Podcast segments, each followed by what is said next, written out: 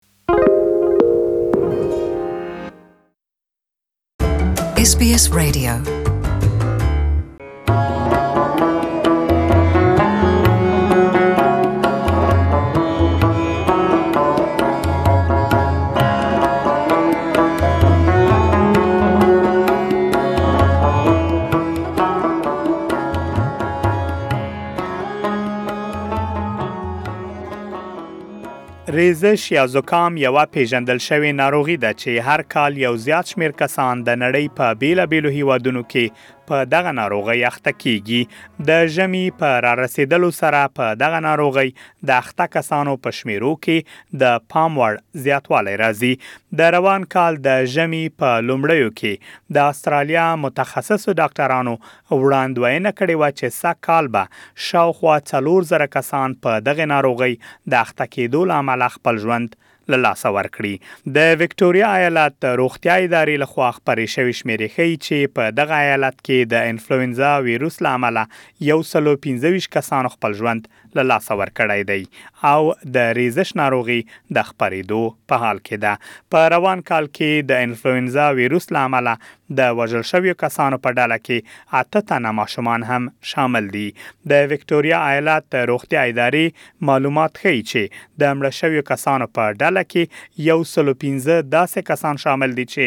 د لوی عمر لرونکو د پاملرنې په مرکزونو کې ژوند کاوه. د روان کال له پیل څخه تر اوسه پورې په ویکټوریا ایالت کې پنځوس زره کسان د انفلوینزا په ویروس اخته شوي. د زکام یا ریزش ناروغي په اصل کې یوه میکروبي ناروغي ده چې د مختلفو ویروسونو له امله انسان په دغه ناروغۍ اخته کیږي. د انفلوئنزا A او B ویروس د نورو په پرتله ډیر خطرناک دئ. په سیډني کې میشت ډاکټر اسلم شینواری د زکام ناروغۍ په اړه داسې وایي. زکام خو یو عام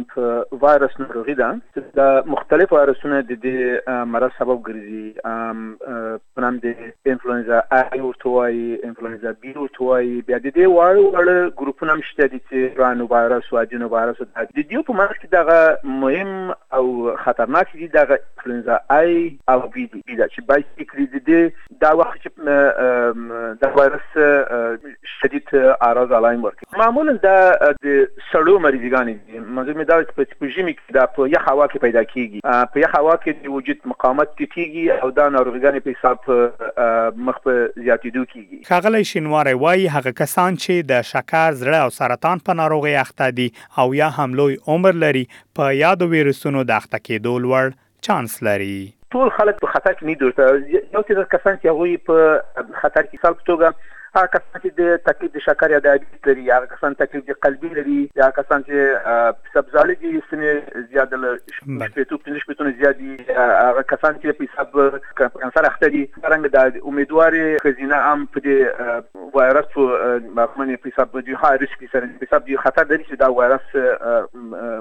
ته پیدا شي. دا چې اوس مهال په ټوله استرالیا کې د ریزش یا انفلوئنزا د ویروس له امله څومره کسانو خپل ژوند له لاسه ورکړی په دې اړه وروستۍ شمېرې نه دي خپرې شوي خو د روان کال د جولای میاشتې تر یوولسمې نېټې پورې په ټوله استرالیا کې شاوخوا درې سوه کسانو د دغه ویروس له امله خپل ژوند له لاسه ورکړی او تر هغې وروسته یو زیات شمېر نور کسان هم مړه شوي دي. د ای بي سي شبکې له خوا خپاره شوي معلومات ښيي چې د روان کال له پیل څخه د اګست د میاشتې تر وروستیو پورې په اسټرالیا کې شاوخوا دوه سوه شل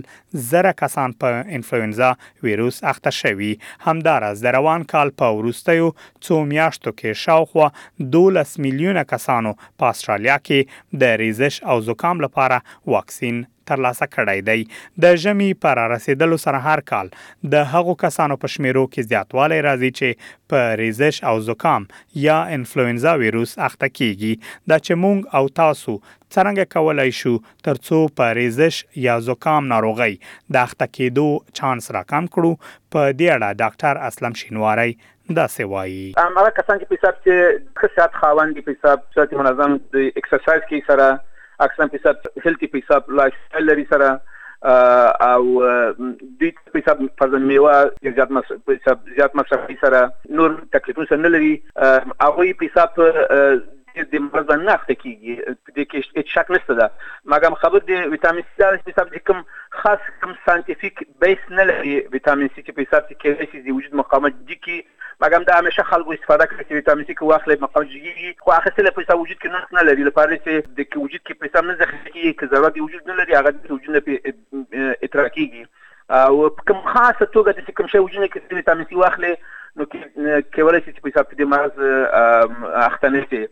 او مګم بهتره دا چې سب چې په سب چې هلته لایف سټایل ولرو او ایکسرسایز وکړو سره او فقط دا شان چې منرال او ویټامین او دا شان زیات لري دغه واخلو په حساب دا خامخا د وجود مقاومت جګي که چیرې تاسو هم د خپل روغتیايي حالت په اړه اندېښنه لرئ